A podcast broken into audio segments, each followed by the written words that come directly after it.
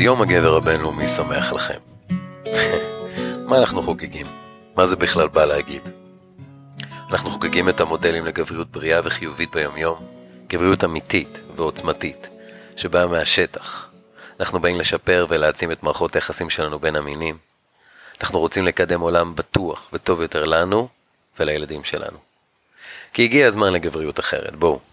גבריות עוצמתית, שבאה ממקום של חמלה, של הקשבה, של רצון לחיבור לשבט של גברים עוצמתי, שבא עם כל הלב לעולם. כי אתם יודעים מה? זה הזמן שלנו להביא את הגבריות שלנו בהקשבה, בהבעת רגש אלוהים ישמור, ולראות את התפקיד המדהים שלנו בעולם הזה, בחינוך של הבנים והבנות שלנו, ולבנות גשר של הבנה עם הנשים שלנו ממקום של העצמה ולא ממקום של פחד או ריצוי, כוח והשתלטות. כי תכלס, אנחנו הגברים מבינים אותנו הכי טוב, והגיע הזמן שנדע להביע את זה, מהסנטר שלנו, מההתקרקעות שלנו לאדמה. אז הפרק הזה שונה. כי אין מומחה אחד או דעה אחת, יש הרבה. יש את הקהילה, גברים ונשים, שנענתה והביעה את הרגשות, החששות, המחשבות, התקוות שלה לגבריות שלנו. הפרק הזה יחולק לכמה נושאים בהתאם למה שאתם הבאתם. אני מאמין שכל אחד מכם ימצא את עצמו, כי כולנו גברים וכולנו אותו דבר בסופו של היום. אז נתחיל. אז מהי בכלל המהות הגברית? כולנו נולדנו כבנים ואז גברים, ואנחנו יודעים מה זה גבר. אז למה צריך לכתוב על זה ספרים? למה צריך לקרוא על זה? מה זה כל הסדנאות האלה, המעגלים האלה שאנחנו שומעים עליהם? כי להיות גבר והמהות הגברית שלנו יכולה לקבל הרבה פרשנויות, יכולה לקבל הרבה סיפורים שהגיעו מההיסטוריה שלנו, מהיומיום שלנו, מהמפגשים שלנו עם המין השני, המפגשים שלנו עם גברים אחרים. ולפעמים צריך לעצור ואולי להבין מה זה המהות הגברית, ותוך כדי זה ל... לראות uh, אותנו בתהליך הזה ובדבר המופלא הזה שנקרא להיות גבר. אז מה זה אומר להיות גבר ויום הגבר הבינלאומי ואיצ'י דנה? אז תכלס, להיות גבר זה להיות בן אדם, ולהיות בן אדם זה להשתדל להיות כל יום קצת יותר טוב ממה שהיית אתמול, וקצת יותר אה, רגיש, קצת יותר חכם, ללמוד אה, ולאהוב. ולגברים אה, נראה לי לפעמים זה קצת יותר קשה, כי גבר מתמודד עם מלא יצרים. מכונה שמונעת עם הרבה אגו ועם מלא יצרים, וזה עושה לו מלא רעש בראש, לפחות לי. וזה אומר זיונים, זה אומר כסף, זה אומר אה, הכרה, אה, אני יודע כל החרטא הזה. והמשימה שלנו זה, או האתגר שלנו זה להשתית את החרטא הזה ולהתמקד בעיקר. הפרדוקס זה שמתי אנחנו מתמקדים בעיקר, שקורה משהו לא, לא מגניב, אה, משהו נורא, משהו מוות, אה, מישהו חולה קרוב אלינו, משהו כזה, ואז אנחנו מבינים שהכל בולשיט. אבל אה, קצת פרדוקסלי שאנחנו צריכים להגיע לזה כדי למצוא את העיקר. אז חשבתי על ההגדרה או על מהי גבריות בעיניי או מנקודת מבטי. ההצהרה, נראה לי, יש לציין. אני... אה, זה הביא אותי למחשבות אה, קצת אה, לא פמיניסטיות. אבל בסופו של דבר נראה לי שמה שמגדיר בעיניי גבריות זה תכונות שהן רלוונטיות לכל בני האדם, אבל מהנקודת מבט שלי זה מתחבר יותר לזה. מקומות של ביטחון עצמי ורוחב לב ונדיבות. זה מתחבר לי עם ההגדרה הזאת של גבריות. שוב, זה קונספטואלית, זה קצת, אה, זה רלוונטי לכולם, אבל אה, אה, זה הדבר הכי ברור שעלה לי. ומסתכל מסביב על כל הגודל המטורף הזה, על המרחב העצום הזה. ובתוכו השאלה הזאת, מה זה גבר, מה זה גבר בשבילי, הפכה קטנה כמו אחת האבנים שזרוקות פה מבין אין סוף. ואני חושב אולי עצם השאלה מפספסת את העובדה הפשוטה שאני גבר. אולי זה כמו לשבת כאן ולשאול מה זה מדבר. אני יכול להגיד שמדבר זה הרבה מאוד חול ואבנים, אני יכול להגיד שזה הרים צחיחים, אני יכול להגיד שזה מעט צמחייה, אבל כשאני יושב כאן, מדבר זה, זו הוויה, זו תחושה, זה מכלול עצום, שהמילים קטנות, אבל אפשר להרגיש אותו, אפשר להיות הוא לרגע. ואותו דבר, להיות גבר. מה זה להיות גבר? אני כבר גבר. זה לא המילים שאני עושה, זה לא המעשים שאני עושה, זה לא הרעיונות שמכרו לי על מה זה להיות גבר, זה לא הגבר שראיתי בטלוויזיה, בסרטים, זה לא משהו מחוץ לי. גבר זה מי שאני, וזה מה שאני צריך לגלות. עם הזמן, עם האפשרות, ככל שאני מאפשר לעצמי להתבונן, להיות שקט, בתוך כל ההמולה. מאפשר לעצמי להרחיב את המנעד של ההבעה, של ההרגשה, כי הכל מתרחש בי, בתוכי. במקום לסנן, במקום לבחור, במקום להגיד זה מתאים, זה לא מתאים, לתת לעצמי את החופש להיות, ולגלות דרך זה מה זה הגבר הזה שאני. כי זה משתנה כל הזמן, כמו המדבר הזה. מתעצב, הרים נופלים, הרים קמים, צמחים גדלים, צמחים מתים, מים זורמים לרגע, ואז הכל נהיה צחיח ויבש, ואותו דבר אני. אז אני רוצה לפתוח את השאלה הזאת, להפוך אותה לכוהן. מה זה גבר? זה משהו שאנחנו מגלים בכל רגע, כל אחד עם עצמו. ואני מאחל לנו שנדע בתוך כל העשייה שלנו, בתוך כל החלומות שלנו, בתוך כל הפעלתנות הבלתי נפסקת, נדע להיות דוממים כמו המדבר ולהתבונן, להיות רחבים, שקטים ומאפשרים לכל מה שרוצה לבוא לידי ביטוי בתוכנו, לבוא לידי ביטוי. להתאהב, ליהנות, לשמוח בגבר שאנחנו. בשבילי להיות גבר אה, זה קודם כל להיות אני. אה, כאדם שהוא גם גבר. ואני מי שאני באופן הכי אותנטי שאני מצליח להיות. וזה אומר uh, שאני אדם מאוד רגיש, ואני אדם מאוד אוהב ומאוד מביע אהבה, ומאוד ורבלי ומאוד uh, מחפש uh, שיח רגשי. וזה מי שאני. וככה גדלתי גם עם אבא שגם היה גבר ואבא ואדם רגיש מאוד, עודנו כזה, וככה אני בתור אבא לבן שלי, וחושב הרבה גם על זה שזה מי שאני, וככה חשוב לי להיות בתור אדם, וככה חשוב לי להיות בתור אבא, במיוחד בתור אבא לבן. ומה שזה אומר זה שאני הוא, אני זה אני, אבל אני גם כל הזמן חושב על זה בתוך המתח הזה של בין מי שאני כגבר לבין ה...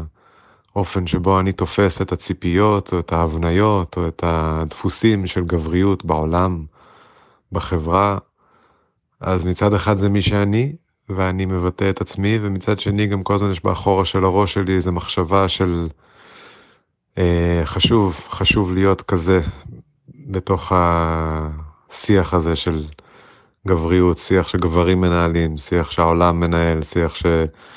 העולם הנשים מנהל, שיח הפמיניסטי, אה, וחשוב לי להיות גם ער לזה בתוך ההוויה האישית שלי. אה, ואני זוכר את זה במיוחד גם, בוודאי מאז שנהייתי אבא, ואני גם זוכר את זה כשבחרתי להיות מורה ומחנך, אה, והאופן שבו הייתי עומד מול כיתה, מול בנות, ילדות, נערות, מול בנים, ילדים, נערים, וחושב הרבה על, על העובדה שאני גבר במקצוע שהוא על פי רוב נשי ועל איך חשוב לי להיות גבר מולם. אה, אז זה להיות גבר בעיניי. אולי זאת התחברות לגוף שלנו, להיות גבר. לראות איפה זה תופס אותי כשאני מאושר, ואיפה זה תופס אותי כשאני עצבני. אני יודע עליי שכשאני עצבני, האגרופים שלי מתאגרפים, אני מרגיש מתח בידיים, מתח בגב, הבטן שלי כואבת, ואני מוכן לאלי קרב. זה לא משנה אם זה שיחה עם אשתי להגן על הדברים שלי, או בתקופה המשוגעת הזאת של קורונה, או בכביש, אני מוכן לקרב.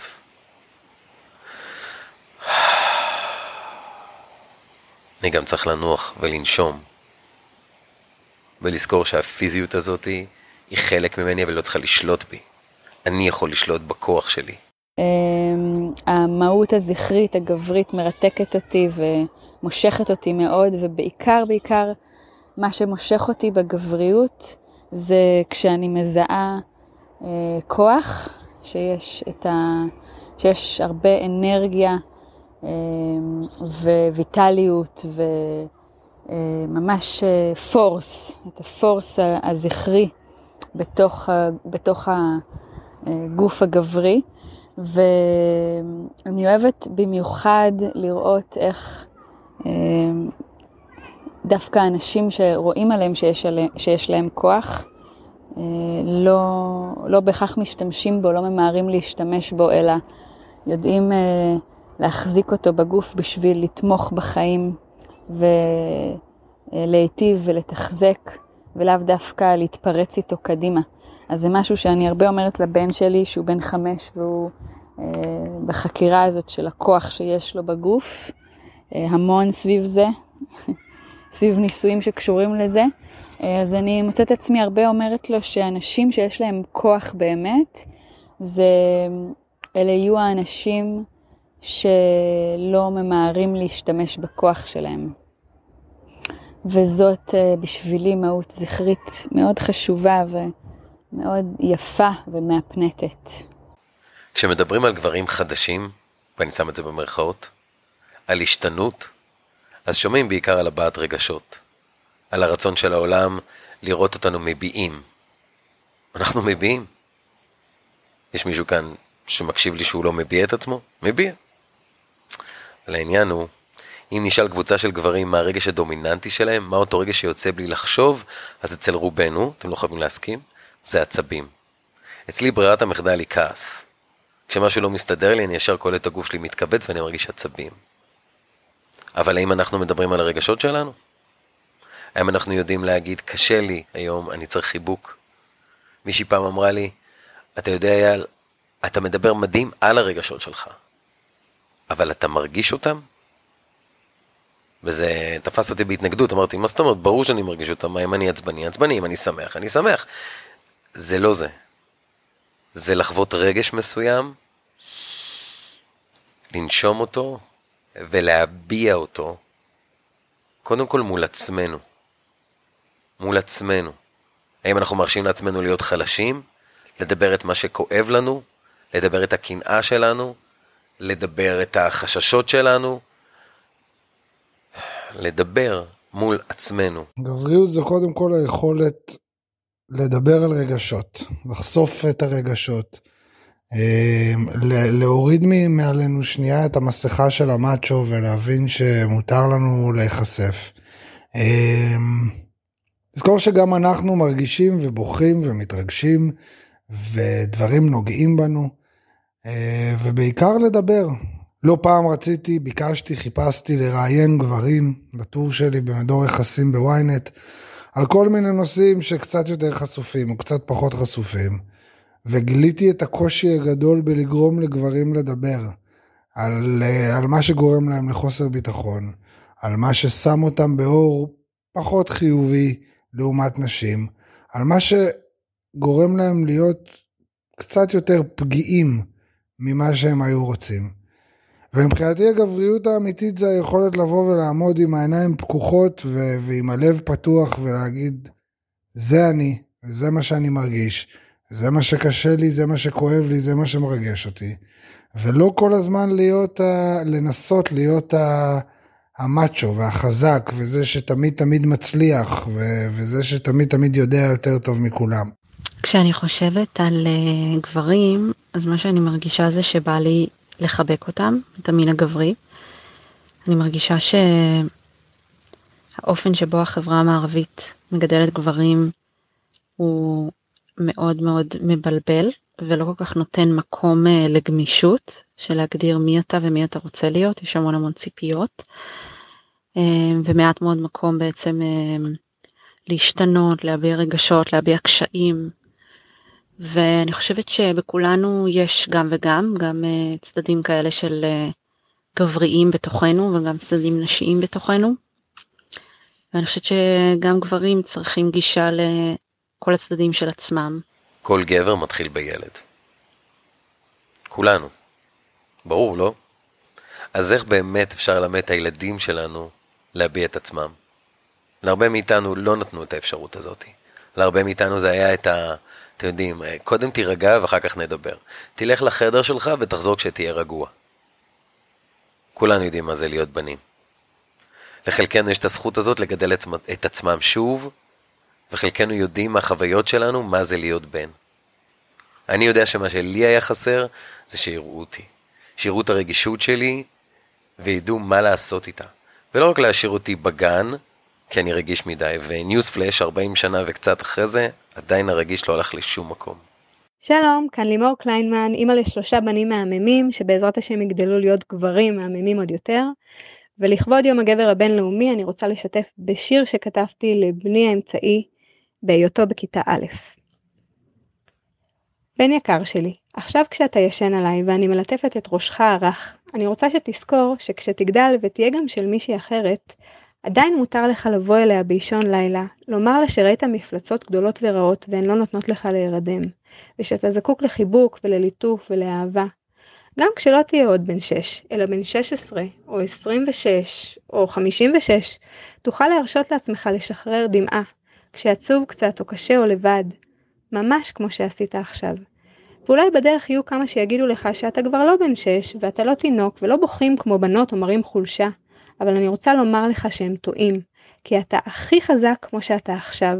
אוחז בי באצבעותיך הקטנטנות, מרשה לעצמך להתרפק עליי, נותן לי ללטף את לחייך המשית, מאפשר לאינסטינקטים הילדיים שלך ללכת ולחפש את אימא. ובן יקר שלי, תזכור את כל האינסטינקטים האלה גם כשתגדל ותהיה גבר, טוב? תזכור איך כשהיית ילד וראית את אימא שלך לפעמים עצבנית או מאוכזבת או נורא נורא עצובה, פשוט ניגשת אליה וחיבקת אותה. אמרת לה שאתה אוהב אותה ושהיא האימא הכי טובה בעולם. לא נבהלת, לא חיפשת פתרונות, פשוט באת וחיבקת, כי זה בדיוק מה שהאינסטינקט שלך אמר לך לעשות.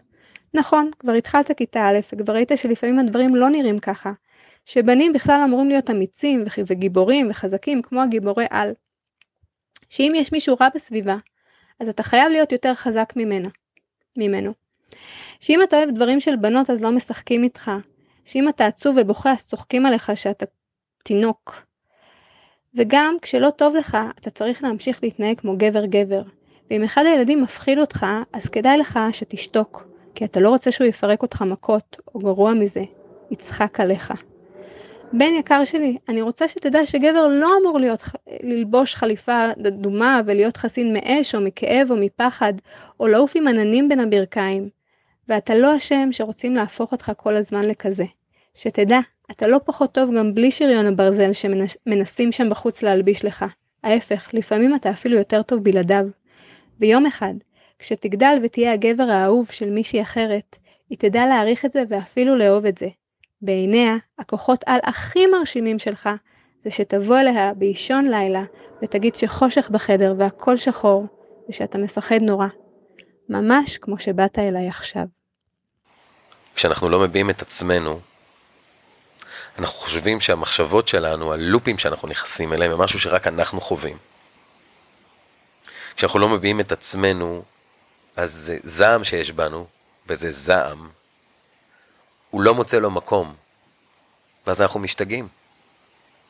אנחנו מסתכלים על גברים אחרים שמשתגעים ומצקצקים בלשון, ואומרים, אה, זה משוגע, או מה נראה לכם, אני בחיים לא הייתי ככה. אבל עמוק בפנים אני מאמין שכולנו יכולים להתנפץ. כולנו מסוגלים פתאום באמצע החיים להשתגע, ואחר כך לחשוב, אוי, מה עשיתי, איך זה, אני לא מאמין, אבל אפילו, אפילו, באמת להשתגע. אז אני רוצה לדבר על זה שגברים משתגעים, והרבה יותר מנשים. אני הייתי מאושפז בבית חולים פסיכיאטרי, ויחד איתי 80% מהאנשים היו גברים, אחרי הרבה זמן שיצאתי ובדקתי את זה, הבנתי ש-80% מהאנשים במחלקות הם גברים. לא רק איתי ולא רק באותו זמן, אלא זה המצב בבתי חולים פסיכיאטריים. ולקח לי עוד קצת זמן להבין מה, למה, מה הסיפור הזה שרק גברים משתגעים, איפה, איפה נשים, למה הן לא משתגעות. ואחת הסיבות היותר פשוטות שמצאתי זה כי נשים יודעות לדבר, וגברים לא. אנחנו לא יודעים לדבר על הרגשות שלנו, אנחנו לא יודעים לדבר על החולשות, אנחנו לא יודעים להיות רכים, לא, לא עם עצמנו, לא עם גברים אחרים, אנחנו כל הזמן מרגישים צורך להיות חזק, להרגיש חזקים, להיות חזקים, וזה מה שבסוף אה, משגע אותנו. אז אה, ההזמנה שלי, נתחיל לדבר, נתחיל להיות רכים עם עצמנו, לדבר קודם כל בינינו לבין עצמנו, להודות בזה שיש לנו כל מיני רגשות וחולשות ולהיות פגיעים. אמ, וגם לדבר עם, ה... עם נשים שלידינו ולדבר עם גברים שלידינו, שזה בכלל קשה לדבר איתם על, אה, על רגשות ועל דברים ככה יותר אינטימיים. אמ, ובעיקר אני מקווה שנוכל לדבר גם עם הילדים שלנו, עם הבנות ועם הבנים שלנו, אמ, ושהם לא יצטרכו לגדול כמו שאנחנו גדלנו בלי לדבר על רגשות. אחד הדברים שחשובים לנו בחיים היא מערכת יחסים. לכל גבר חשוב במערכת היחסים שלו עם הגברים בחייו. זה מתחיל בגבר החשוב ביותר בחייו, אבא, ועובר לחברים שלו. החברים שלנו, כמו שאומר דיוויד דידה, צריכים להרים אותנו מתוך הבינוניות שלנו. שידעו לשים אותנו במקום שצריך וגם להיות לנו אוזן קשבת. זה לא קל למצוא חברים גברים, אבל זה שווה זהב. יש חברים שמלווים אותנו מהיסודי, ויש כאלה שאנחנו מוצאים, וואלה, חודש עבר מצאתי חבר חדש. לאורך השנים אבל היו חברים שעזבו, שהתפקיד שלהם נגמר. עם חלקם זה היה בכאב גדול, וחלקם זה היה פתאומי ומתבקש. אבל כולם איתי בלב, כל אחד ואחד מהם היה לו את התפקיד שלו, ללמד אותי ולקדם אותי הלאה. אני מאחל לכולנו חברים שרואים אותנו. אם תשאלו שני גברים חברים ממש טובים, מהי החברות ביניהם. הם כנראה יצחקקו, ואולי יגניבו אחד לשני איזה מבט לעיניים, אבל הם לא יגידו הרבה. עכשיו, זה לא בגלל שאין מה להגיד על החברות שלהם, זה יותר בגלל שהחברות הזאת היא הרבה יותר עמוקה ממילים, ושום מילים לא באמת יצליחו לתאר אותה. ושאייל ביקש ממני להגיד כמה דברים על חברות בין גברים, אחד הדברים שישר עלה לי זה שבעצם חברות בין גברים הכי נמדדת בזה שהיא לא נמדדת במילים. היא תחושה, היא הבנה עמוקה, מאוד פרימיטיבית אפילו. אולי מהימים שהיינו ציידים ביחד והחיים שלנו היו תלויים אחד בשני, אי אפשר באמת לדעת. אבל מה שבטוח זה ששני הגברים שתשאלו אותם ירגישו את זה מאוד מאוד עמוק, ויבינו ויסתכלו אחד לשני בעיניים, ובאמת יוקירו את החברות ביניהם. זאת בעצם חברות בין גברים בעיניי, יותר מכל. בנות הזוג שלנו מדהימות. המזונות של ממש, לפחות אחרת לא היינו מתחברים אליהן, כן? הן יודעות להרים אותנו ויודעות להוריד. יודעות לתת לנו רגעים של עונג מטורף מצד אחד וטירוף מצד שני. בנות הזוג שלנו הרבה פעמים מרימות לנו שיקופים שלנו נראים כמו היא לא מבינה אותי, היא מנסה לשנות אותי, היא מטריפה אותי, אני פשוט מעדיף לא לדבר, כי כל מילה מקפיצה אותה. אנחנו מחפשים פתרון, אבל יודעים שאין, אז אנחנו משתבללים. אני יודע שאתם יודעים על מה אני מדבר. היא רוצה שנדבר על זה, אבל אני רק רוצה שהיא תניח לי. אין לי כוח להתחיל להסביר למה עשיתי משהו, להתנצל בהרבה מילים, אם בכלל בא לי להתנצל. לפעמים אני שותק. זה מחרפן אותה. היא רוצה שנדבר, שנלבן, שנבין מה קרה, אבל אני סוגר את דלת המערה ומתבצר בשתיקה. משהו בי יודע שבמלחמת המילים הזאת אין לי סיכוי שכל מילה או משפט שאומר יתהפך כנגדי וידקור אותי בבטן הרכה. אם לא עכשיו, אז בטח בריב הבא. אני יודע שאם רק אפתח את הפה, יצאו לי מילים שאני ממש לא רוצה. ואז היא תיפגע. היא תחשוב שאני מפלצת, שאני רשע, חסר לב. היא תגיד שאני בכלל לא אוהב אותה, ואז היא תבכה. אוי, הבכי הזה, הנשק הסודי שלה, מכת המחץ. מה עושים עכשיו? אם אחבק אותה, זהו, היא ניצחה. ואם לא, אז היא צודקת, אני באמת חסר לב. אטום רגשית, כמו שהיא אומרת. אז אני מעדיף לשתוק. זה אולי לא הדבר הכי אינטליגנטי לעשות, אבל זאת הדרך היחידה לנצח במלחמה הזאת. מה היא רוצה? שאתנצל? שאגיד שטעיתי? שלא הבנתי? למה תמיד אני זה שאשם? ובכלל, איך הגענו לכאן? לפני כמה דקות אהבנו, התחבקנו, צחקנו, דיברנו. מה הייתה השטות שאמרתי? מה היא אמרה שכל כך פגע בי? עכשיו אני אפילו לא זוכר שאני אוהב אותה. עכשיו אני רק רוצה להתקרבל לכדור קטן ולשתוק, לשתוק לנצח. היא יכולה לדפוק על הדלתות מצידי כמה שהיא רוצה, אני לא אומר מילה. הלוואי והייתי מסוגל להרפות לרגע, לצאת מהשריון הזה, ובאמת להקשיב לה, מבלי להרגיש אשמה, לדבר איתה על מה שקרה. הייתי רוצה שנחזור להיות קרובים, כמו איש ואישה אוהבים. איך עושים את זה? איך שוברים את השתיקה הזאת? אני רוצה לדבר על גברים נכים רגשית. אני כמטפל זוגי פוגש יותר מדי גברים שכאילו מסכימים, נכון יש את הצודקת ואבא פגום, שמסכימים לדימוי הזה של אבא פגום. כאילו אין שכל, אין דאגות, ובעצם מעוורים את עצמם לבוז ולהקטנה והצחוקים על חשבונם שהם חווים. כאילו יש חלק מהפטריארכליות הפסיכולוגית שאנחנו עוברים, זה כאילו, אה, אני לא שם לב, אני לא אכפת לי, אני ציני, אני קשוח. ואז מה שקורה, יותר מדי גברים מסכימים לדיהוק הזה, של כאילו, אני לא עמוק כמו אשתי, אני לא רגיש כמו אשתי, אני לא מבין כמו אשתי, ואז הם כאילו, הקול שלהם מפסיק להישמע, גם בהורות וגם בזוגיות, ואז נוצר דינמיקה שהדעה שלך זה האמת, והדעה שלי זה רק דעה, אבל אני לא באמת מחובר לעצמי, ואז כשאני כן אומר שמשהו כואב לי, אז ישר אומרים לי, אתה, אתה לא בדיוק מחובר, אתה סתם משליך, אתה סתם תוקפן. גברים, ואנחנו ויתרנו על הקול שלנו, ויתרנו על המנדט שלנו, שגם לנו יש רגשות. והסכמנו לאיזושהי בדיחה כזאת, היא הצודקת ואבא פגום, שכאילו, שאני כאילו לא, זה הרי ברור שאין לי מחשבות, ברור לי שאני לא כל כך עמוק, ו- ואני חושב שזה משהו שתוקע אותנו ופוגע בנו, פוגע גם בבנות זוג שלנו, כי זה משמר אותן בודדות בפסגה, וזה בהחלט משאיר אותנו קטנים, מודרים, מסורסים, ואז אנחנו חייבים להחזיר להם איכשהו, ושם הולך כל הקטע של אלימות, תוקפנות, ציניות, או היעדרות מהבית. אבל אז מה שקורה, אנחנו מביאים מודל חלקי לבנים ולבנות שלנו של מה זה גבר. גבר הוא נכה רגשי, חזק בחוץ, בפנים הוא הולך מתחת לשולחן. זה לא נכון, זה לא חייב להיות ככה. יש לנו, מחקרים מראים שאנחנו רגישים לא פחות מנשים, פשוט החברות שאנחנו עוברים גורמת לנו כופה עלינו לוותר על איזשהו חלקים בתוכנו. אז אני שולח מסר פה, תצאו כנגד הנכות הרגשית, הסטיגמה שיש לכם בנישואים ובחברה, ותעיזו ללכת למקום חדש ואחר. ואולי לא צריך לדבר על הכל. אולי אי אפשר לפתור הכל. איך אנחנו הגברים באמת רבים ממקום שיאפשר לנו לא להיתקע על דברים? איך אנחנו מאפשרים אחד לשני לחיות בחופש אחד ליד השנייה, בלי לקחת אשמה, צדדים, תסכולים, ולהמשיך איתם ביומיום? איך אנחנו לא מסתובבים כל הדברים האלה כמו סלע שאנחנו סוחבים? זוג שלי ואני לא פותרים מריבות.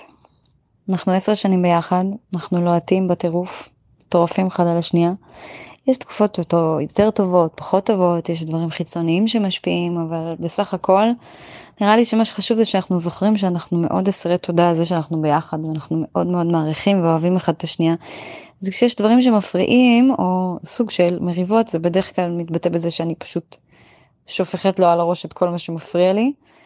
בדרך כלל אין יותר מדי תגובה, יכול להיות שיהיה כזה, מצטער שאת מרגישה ככה, אבל באופן כללי אין באמת אה, התייחסות לנושאים או פתרון של שום דבר. פשוט עובר אה, ערב, יום, לילה, עושים סקס, לא עושים סקס, כאילו, פשוט עוברים הלאה. יום חדש, בוקר חדש, מצב רוח חדש, ומתקדמים. זה יכול להישמע מוזר לאנשים, אבל זה עובד לנו ממש מצוין. כי בסוף היום כל הדברים החיצוניים שקורים, כל הדרמות או הסרטים או הדברים שבחוץ שמכבידים הם פשוט סוג של מצב רוח. אבל ברגע שכל אחד אה, דואג, דואגת לעצמה או דואג לעצמו ושומרים על אה, איזון פנימי כזה ודואגים להרגיש טוב באופן אישי, אז בדרך כלל זה מחליק ומסדר גם את העניין הזוגי. זהו. 10 years and still running. מה זה אומר להיות גבר מיני? הרי תכלס, אנחנו חושבים על מין כל הזמן. אני יודע שאני חושב על מין כל הזמן. במשך השנים עברתי ועדיין עובר מסע אל תוך המיניות שלי. מסע שלקח אותי למקומות של מה טוב לבנות זוג שלי, מה טוב לאשתי, מה עושה לה נעים, ואיך אני מצליח להביא אותה לאורגזמה, כי אם היא לא תקבל אורגזמה אז מה אני עושה פה בכלל? ואם לא יעמוד לי, אלוהים אדירים. פתאום אחרי שנים התחלתי להבין מה עושה לי נעים. רק בשנים האחרונות אני מבין שאנחנו הגברים יכולים להיות מעניינים לא פחות מנשים. שכמו שאני רוצה שבת הזוג שלי תאפשר לי לגעת בה ולחקור אותה, אז אני יכול לבקש ממנה גם לחקור אותי. ואולי יותר מזה, אני לומד להכיר אותי. כי המיניות שלי קיימת גם בלי האישור שלה. כי המיניות שלי היא באנרגיה שלי אל העולם, בלבוא אל הדברים בתשוקה. לעצור ולבדוק בזמן מה עושה לי טוב. להבין שלא תמיד יעמוד לי, לא תמיד אני חייב לספק, ואולי לשנייה אפילו לנוח, לנוח לתוך הגבר שאני. מה אנחנו מרגישים כשאנחנו שומעים את צמד המילים הזה, מיניות גברית? יש פה שתי מילים טעונות. גם בואו נדבר על מיניות, שזה חצי טאבו, וגם בואו נדבר על גבריות, שזאת מילה שלפעמים גורמת להתכווצות בבטן. אז מיניות גברית? בדרך כלל אנחנו שומעים את המושג הזה בהקשרים הכואבים והאלימים שלו. וגם כולנו, גברים ונשים, הגבולות שלנו נחצו על ידי גברים ללא רשות מלא פעמים. אז מיניות גברית. איפה אני כגבר שרוצה לדבר על המיניות שלו, יכול למצוא מקום שזה בסדר לעשות את זה? איפה נמצא המקום שאני אוכל לדבר עם עצמי על המיניות שלי? איפה אני אמצא מילים שיעזרו לי להבין את הערפל שנמצא לי בתוך הבטן? איפה אני אמצא השראה? איפה אני אמצא עוד גברים שמרגישים נינוחים עם המיניות שלהם? שנוכל לשמוע אותם, לקבל השראה, להידבק באומץ וברגישות. היום בעולם לגבר שרוצה אה, להכיר את עצמו טוב יותר, ובין היתר להכיר את המיניות שלו, זה אתגר למצוא את המרחבים האלה. זה אתגר למצוא את אותן מדורות שבט שבהם הזקנים נאספים ערב ערב ואפשר לבוא ולשמוע ולהקשיב ולשאול. אף אחד לא מלמד אותנו הגברים איך להיות באמת מיניים עם נשים. אני לא מדבר על פורנו, אני לא מדבר על הרומן הרומנטי. איך באמת להיות עם נשים. כי כל אישה היא ספר אחר, עולם של הפתעות. ואם יתמזל לנו המזל בחיים, אז יש לנו את האפשרות לגלות אותן. לחקור ולעשות מעשה אהבה. לנסות ולגלות, שוב ושוב כל פעם מחדש. אבל מעבר למילים היפות, איך עושים את זה? איך אני אמור לדעת מה האישה שלי רוצה? ואם אני נוגע בה, איך אני יודע שהיא באמת נהנית או שהיא ממלאת עכשיו איזה תפקיד? כי להיות ממש ברגע הזה דורש המון תרגול. דורש להיות בגוף. דורש להיות בהקשבה לבת זוג שלנו. דורש להיות בהקשבה שלי אליי. ובעולם שני לפעמים זה לחץ.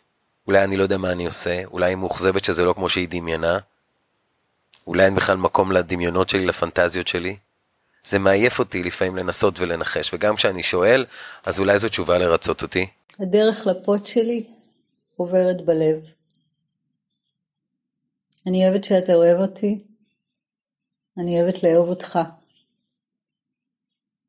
אני אוהבת שאנחנו מדברים על הכל, על רגשות, על פחדים, על תשוקות, על חלומות, על מה שנעים ועל מה שכואב. אני פשוט אוהבת להרגיש אותך ואיתך, ואוהבת להרגיש אותי ואת כל העוצמה הרגשית שבי כשאתה מקשיב לי. הדרך לפות שלי עוברת ברגליים. אני אוהבת את הביטחון, הקרקע והיציבות שיש בינינו. אני אוהבת שאתה כאן איתי. אני אוהבת להיות כאן איתך. אדמה בשבילך. מקום להניח בו את הראש ואת הלב. מקום לנוח בו ביחד. הדרך לפוט שלי עוברת בבטן, במקום הכי רך, הכי עדין, פגיע. אני אוהבת שאתה מלטף אותה, מניח עליה את הראש, מרשה לי ללטף את שלך. אני אוהבת שאתה רך איתי, שאתה מרשה לי לראות את כל החלקים שלך. אני אוהבת אותך. הדרך לפוט שלי עוברת בכל הגוף, בכל ההוויה, בכל הנפש. וככל שאתה סקרן יותר, להכיר, לגעת, לחקור עוד חלקים שלי, הפוט שלי נהיית רטובה, פתוחה, ומזמינה אותך למפגש של אחדות, מפגש שיש בו הקשבה מרגע לרגע, מפגש מחובר, נושם. הדרך לפוט שלי עוברת באהבה, כי הפוט שלי היא אהבה. רוצה לעשות אהבה? טוב, גברים יקרים, גבר יקר, בא לי לפנות אליך ולדבר איתך קצת את, ה... את מה שקורה במרחב מיני כשאנחנו נפגשים, אישה וגבר, אולי גבר וגבר לפעמים, אולי אישה ואישה כשאחת מהנשים מחזיקות את הצד הזכרי יותר במפגש. אה, כמובן שזה יכול גם לקרות הפוך. בא לי לדבר ספציפית על המקום הזה שיש איזה מין תחושה שמצופה מגבר אה, להוביל במרחב מיני, להיות המוביל. אה, אתם בטח מכירים את זה, אתה בטח מכיר את זה, אני מאוד מכירה את זה, ככה מה... מהמפגש שלי עם, עם גברים במרחב מיני ש, שהם מובילים את הצעד הבא ואני זאת שככה מאפשרת לעצמי או, או מניחה מראש בעצמי שאני המובלת אה, ושגבר הוא המוביל, ככה נמצאת במקום פסיבי יותר וגבר אה, ככה נע עם האנרגיה המינית שלו שיכול להיות הרבה פעמים ש... היא תהיה יותר אה, מעוררת מהר בקצב, בקצב שלה אה, משל אישה. ואז יכול להיות ככה איזושהי הגעה למרחב מיני עם המון ציפיות על הגב של גבר ולהיות המוביל, אה, להתגייס, ליזום משהו. באיזשהו מקום בא לי לשחרר אותך ואותי ואותנו מה, מה, מהמסע הזאת.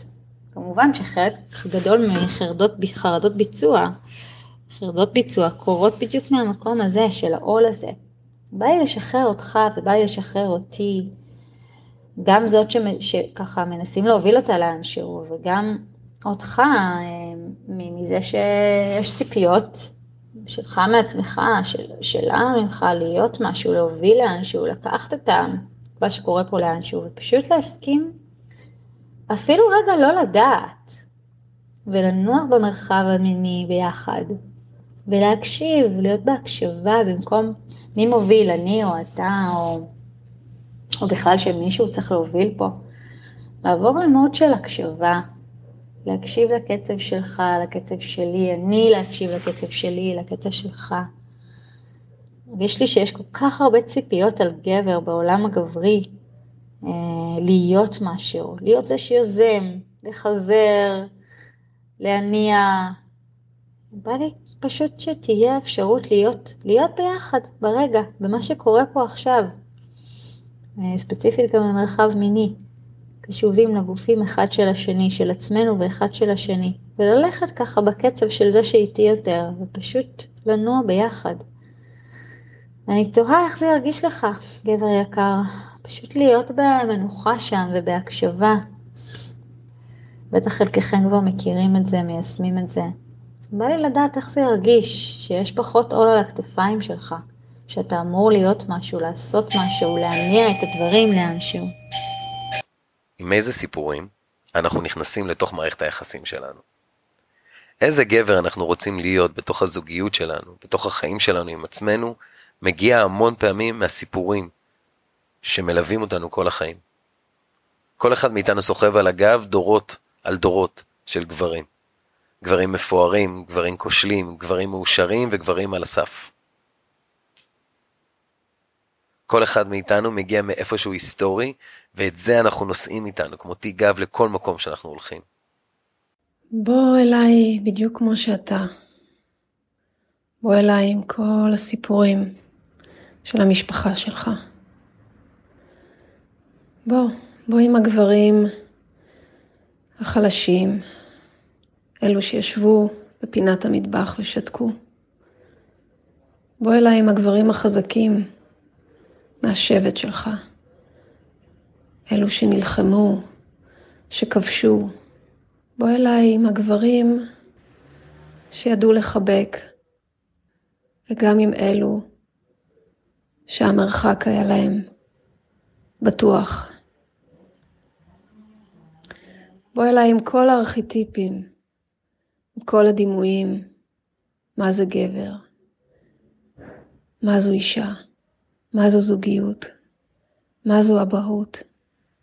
בוא אליי עם כל הסיפורים. זה הכי אמיתי שאתה יכול להיות. כשאתה מביא את כולם, גם אני יכולה להביא את כולם. אני יכולה להביא אליך את כל הנשים, את הנשים החזקות, את הנשים החלשות, את הנשים הביישניות, את הנשים המיניות. אני יכולה להביא אליך את כל הסיפורים של זוגיות מתוך ביטחון, מתוך אהבה, מתוך חובה. ככה אנחנו יכולים להסתכל בעיניים, כשכל הסיפורים משתקפים זה בעיני זה. הכי אמיתי. הכי. לחיות עם אותה אישה הרבה שנים, יכולה להיות הרפתקה מופלאה, כמו טיול למחוזות שלא מכירים, שכל פעם מחדש מגלים משהו חדש, שלאו דווקא חייבים לישון במלונות פאר, אלא יכולים להיות פסחלה ולגלות שם את ההתפעמות. זה יכול להיות, וואו, כזה שאתה מסתכל על הבת זוג שלך ואתה אומר, אני לא מאמין שהיא עדיין איתי, כל השנים האלה. האמת, לי זה קרה שבוע שעבר, ישבתי בחוץ בגינה והסתכלתי עליה, וכן, היא לא בת ה-25 שהתחתנתי איתה, אז מה, גם אני לא, והיא מופלאה. אבל, כדי להגיע למקום הזה, צריך לעבור דרך כל הקלישאות ששמענו לאורך כל השנים. מהסוג הזה שלפעמים אני ממש לא מבין איך עברו מהעולם, כמו, אה, בזוגיות אין יותר סקס, אולי פעם בשבוע, אנחנו רק חברים טובים כי בסופו של דבר זה מה שחשוב, אנחנו ביחד בגלל הילדים, אנחנו בסוג של הרגל, ככה זה. זה לא ככה זה, זה לא חייב להיות ככה זה. זה המקום שלנו, הגברים, לעצור ולראות מה חשוב לנו. לפני שאנחנו עוברים לאישה אחרת, כי אנחנו עוברים עצמנו לכל מקום, להסתכל על האישה שלנו, של הרבה זמן הזה, ולחשוב, אולי יכול להיות פה משהו אחר. כדי להיות עם אותה אישה ביחד הרבה שנים וליצור מסע משותף של גדילה, זה דורש בעיניי להיות קשוב פנימה. להיות מסוגל להבין שתכלס, אני לא מכיר אותה, שהיא עולם ומלואו ודברים משתנים כל הזמן. כי מי שהייתי לפני שנים, כמי שחשבתי על הזוגיות, וואלה, אולי יש מקום לשינוי מחשבה, לפעולות אחרות בתוך הזוגיות הזאת. אני רוצה לדבר על מונוגמיה, אה, שזה אולי האתגר הכי גדול של הדור שלנו, שלא מעט אה, סביבנו פותחים את הנישואים שלהם, ואני חושב הרבה זמן כבר איך להביא את האנרגיה הזאת הביתה. אה, ואצלי אחרי זוגיות של 20 שנה שאני חשבתי שהיא הייתה מעולה אבל עם השנים האחרונות התברר לי שהיא הייתה טובה לשעתה ועכשיו אני צריך להשתנות איתה וגם היא צריכה להשתנות איתי.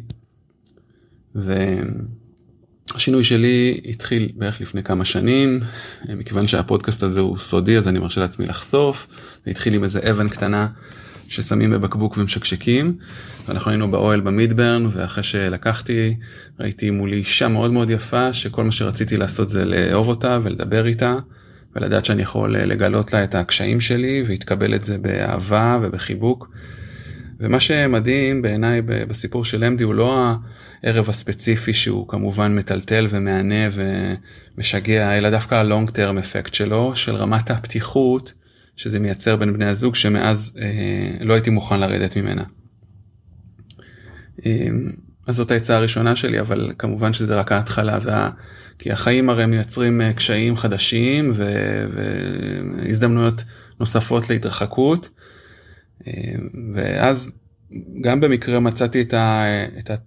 את הפתרון או את התרגול לשמר את הפתיחות אה, לאורך שנים, וזה הטנטרה, שהגיע אליי גם כן כמו מתנת פלא.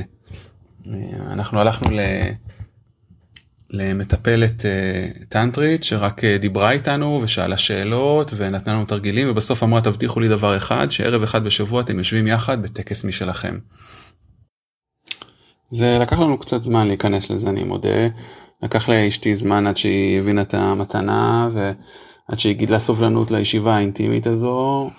אבל אחרי כמה שבועות היינו, היינו נכנסים לזון הזה מאוד במהירות ומין זון כזה של שקט ושל אינטימיות שלא זקוקה לתנאים, לא היא זקוקה שיתקיימו כל התנאים בשביל שהאירוע יתקיים, הרי בשביל סקס אה, שנינו צריכים להיות ערניים ולא עייפים וחרמנים ובלי משימות על הראש ובלי באסה ושקט מהילדים. אבל אם אה, נפגשים לטקס ביומן למטרת העניין שקורה כל שבוע אז לא כך משנה איך נכנסים פשוט נכנסים. וגם אם זה נראה מופרך בהתחלה כי לא תקשרנו בכלל בשעות האחרונות אה, היה יוצא שהיינו יושבים מתכנסים יושבים אחד על השני וזה ונכנסים לזון הזה. אה, בכלל אני חושב שצריך אחרי 20 שנה לעשות איזושהי הפרדה ו, ולהפסיק את התלות הזאת בתשוקה.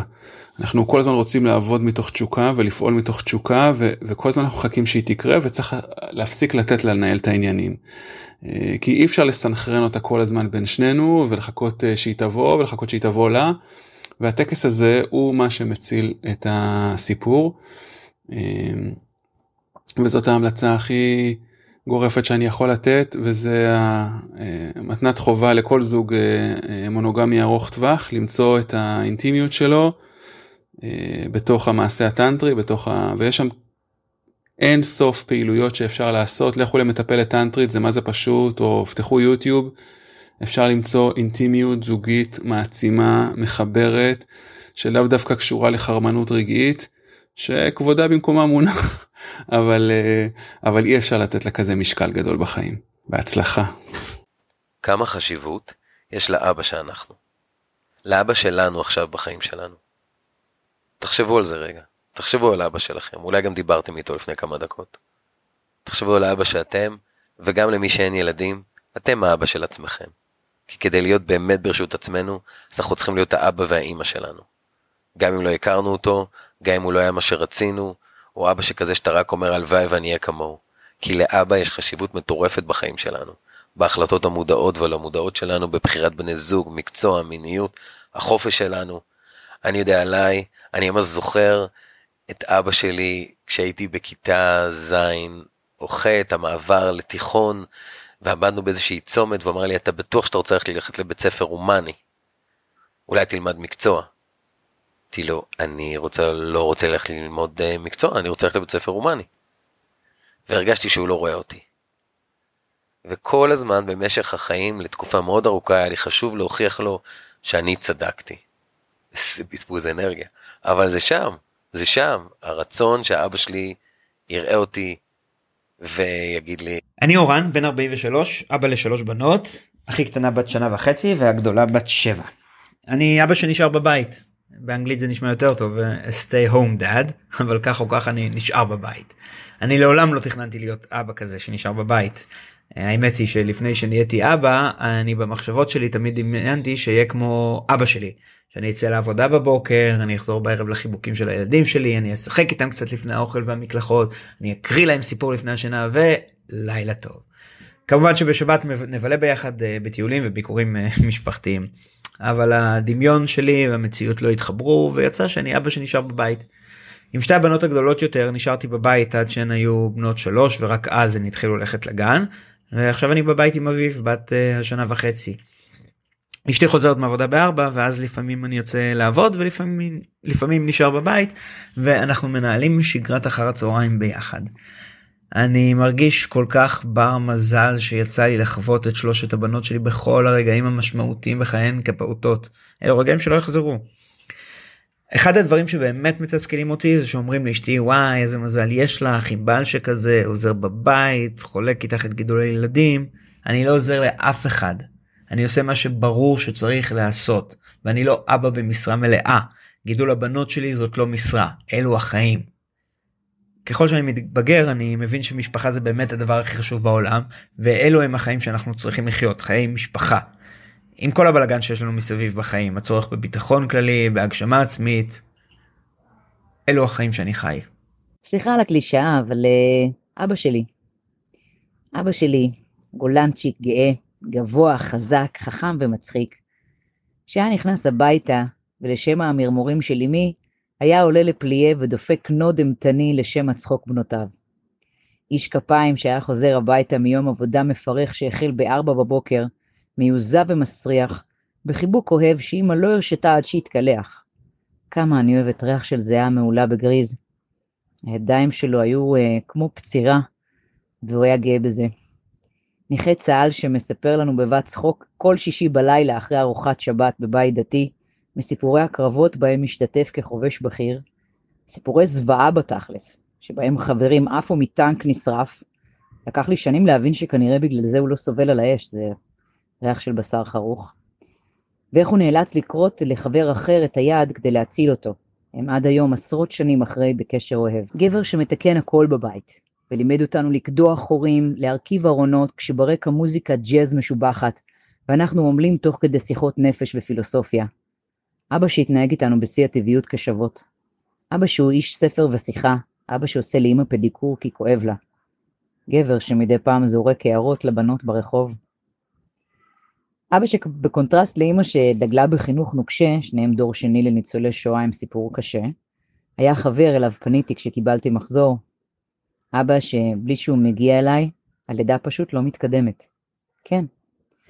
אז יצאתי לעולם עם סטיגמה שגבר זה חבר סבבה כזה, מה שמצד אחד מקל יצירת קשרים, מצד שני מתעלם מהעובדה שגברים רואים אותי כאישה ואולי לא מעוניינים בקשר רק חברי אלא בדברים אחרים, שתלוי תקופה יכול להיות סבבה, אבל לפעמים עלול להכניס לפינות בעייתיות. אבא גם תמיד לימד אותנו שלא חשוב כסף ומעמד, העיקר תהיה בן אדם ושתהיה לך מילה. אז גבר בעיניי הוא איש משפחה, מפרנס, עמוד תומך, בהמה פואטית שמפליץ בהתמוגגות, מבסוט מהדברים הכי פשוטים. לא מטופח, הוא שעיר ומסריח, לפעמים, אבל החום והחוזק מסמים הכל באהבה ויציבות. וזה מה שגבר בשבילי. איך זה לגדול כגבר בלי אבא? אז uh, אני גדלתי בבית uh, עם אמא, כבן יחיד לאמא חד-הורית, uh, שאבא היה והלך בגיל מאוד צעיר. Um, חשבתי לעצמי הרבה מה זה אומר, איך זה היה באמת uh, לגדול ככה. Um, וניסיתי לדלות מהמוח שלי כל מיני uh, טראומות או איזה שהם קשיים גדולים מדי או משהו כזה. ולא מצאתי. אני זוכר שחשבתי לעצמי בראש בטח יש איזה משהו שאני אוכל להגיד שהוא מאוד מעניין בתחום. אני חושב שבעיקר היה לי קשה שלא היה מישהו שילמד אותי איך לתקוע מסמרים או לתקוע מסמרים זה אימא לימדה אבל איך לקדוח בתוך קיר ולהבריג ולעשות דברים של גברים באמת כאלה של בנייה ויצירה והתעסקות עם טכנולוגיה וגדלתי כאילו עם חסר, חוסר ביטחון מאוד מובנה בכל הנושאים האלה אמ, בנושאים הטכניים והפיזיים.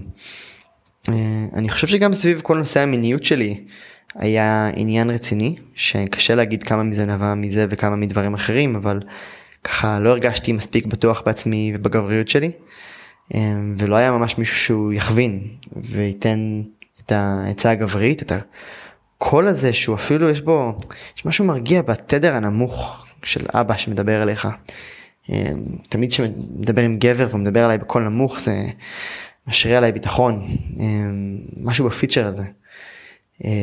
אני זוכר סיטואציה מאוד מעניינת, כיתה י"ב או משהו כזה, שחבר הגיע אליי וניסינו להתאמן אחד על השני על איך להוריד חזיות. אמרתי לו כן מה הנה אני למדתי איך להוריד חזייה בוא תראה.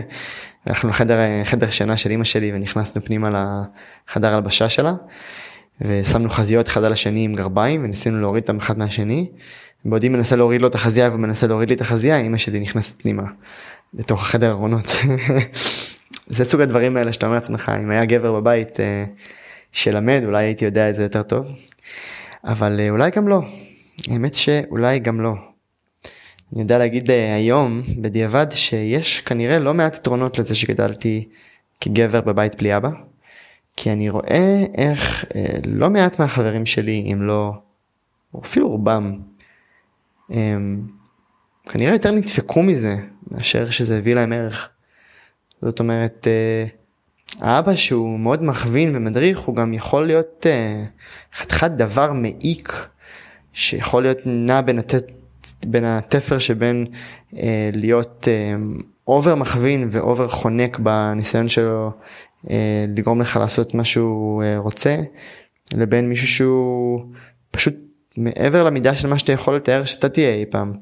ואתה פשוט לא, לא יכול להאמין שפעם תגדל להיות טוב כמוהו, וזה מאוד uh, מסרס את הביטחון העצמי.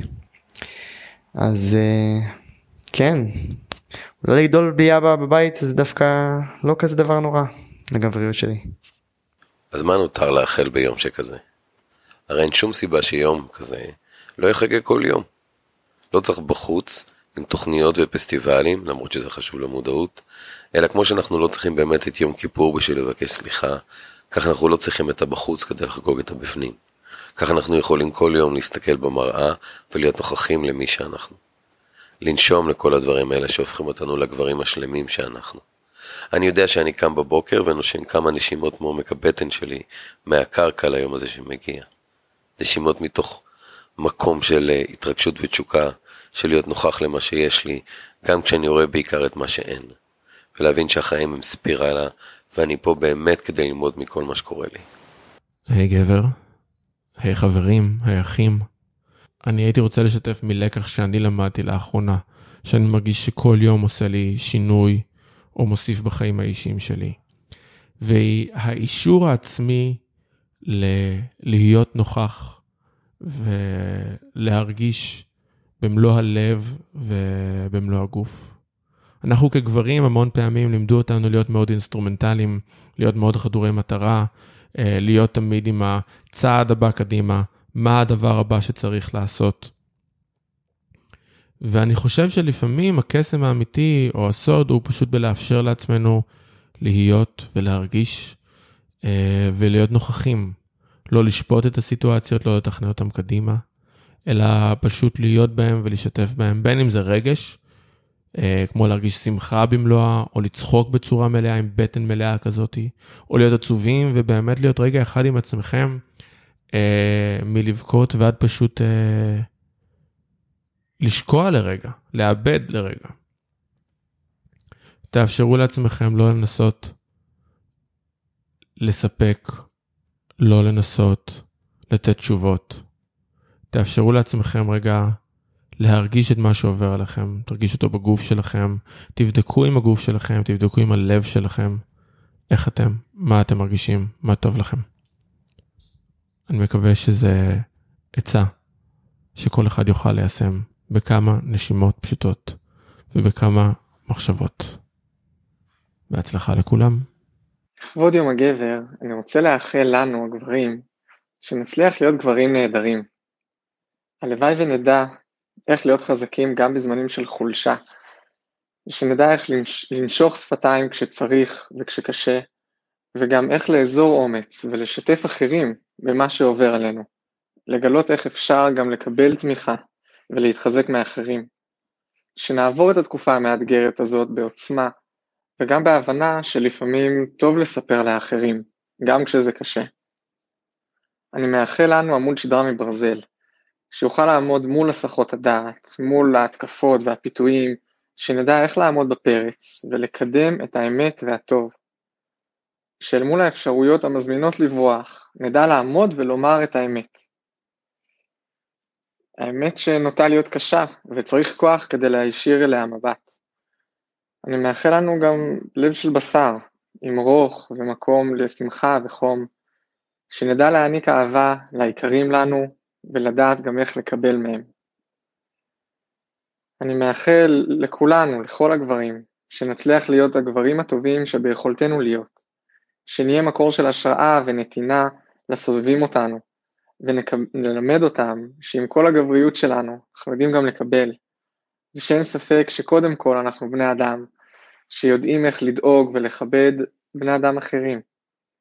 וגם כשאנחנו לא עומדים ביעדים, כמו כל בני אדם, אנחנו לא שלמים, אנחנו לא מושלמים, אז נכון שננסה לדעת איך לשאת את המטען הכבד של להיות כל כך לא שלמים.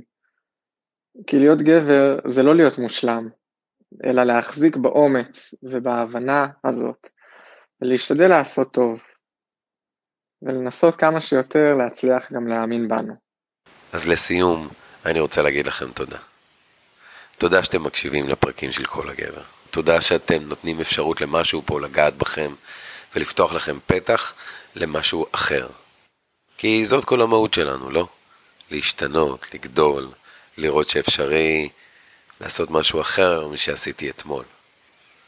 ולבוא לעולם הזה שלנו עם לב גדול, עם שמחה, עם התסכולים שלנו, עם המקומות להגיד וואלה אני מפחד, לא כיף לי, לא טוב לי, baby תראי אותי.